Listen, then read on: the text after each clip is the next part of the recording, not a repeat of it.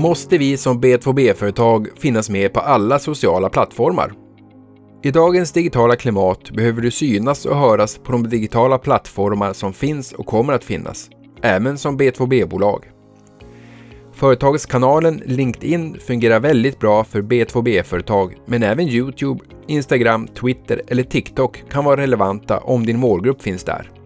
Sociala plattformar är ett bra sätt för potentiella kunder att ta del av nyheter, era lösningar och nätverka med företagets medarbetare och varandra. Men en typisk och ibland förvirrande utmaning är vilka plattformar som egentligen är viktiga för B2B-marknadsförare. Måste vi finnas med på alla plattformar? Inom B2B är det minst lika viktigt att vara aktiv online som offline. Även om majoriteten av era nuvarande kunder blev leads tack vare rekommendationer, kontakter på mässor, att säljare kallringt eller andra traditionella kontaktvägar inom B2B, går det idag inte att ignorera det digitala landskapet. Det har utvecklats snabbt och kommer att fortsätta växa med både kunder, potentiella kunder och konkurrenter som är aktiva. Gartner förutspår att hela 80 procent av säljdialoger mellan leverantörer och köpare kommer ske i digitala kanaler redan år 2025. En konkret kanalstrategi hjälper dig behålla fokus och övervinna digitalhetsen.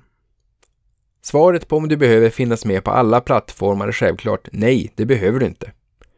Du behöver inte synas i varje kanal om inte er målgrupp finns där förstås. Efter att ha rätt ut var era leads och kunder väljer att spendera sin tid har du tagit det första steget till att hitta svaret på frågan som många ställer sig. Andra faktorer som spelar in i beslutet hur många och vilka kanaler du ska använda är typiskt marknadsbudgeten, vars storlek ofta varierar med konjunkturen, och hur de interna resurserna behöver prioriteras.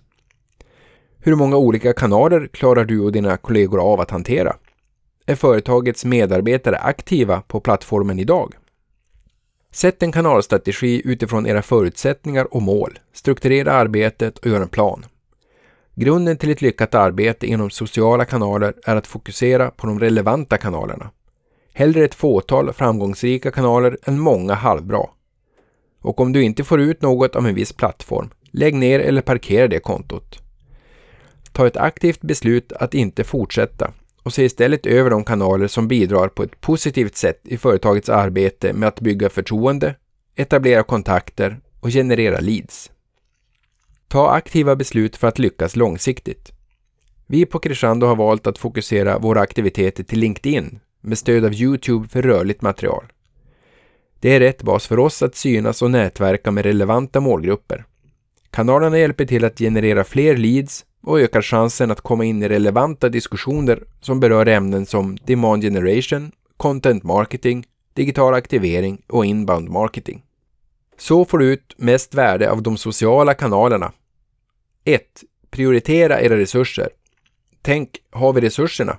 Inte ny trend, vi registrerar ett konto direkt. 2. Identifiera relevanta sociala plattformar. Undersök var din målgrupp är aktiv och spendera sin tid online. 3. Utveckla en konkret kanalstrategi. Skapa en tydlig plan och struktur för ditt arbete inom sociala kanaler. Ta hänsyn till din marknadsbudget och de interna resurserna. 4.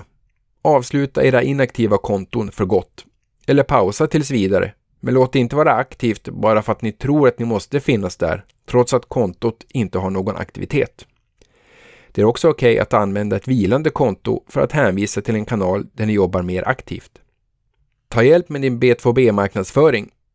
Behöver du stöttning med er kanalstrategi, vilka plattformar som är relevanta för ditt företag eller kanske digital annonsering?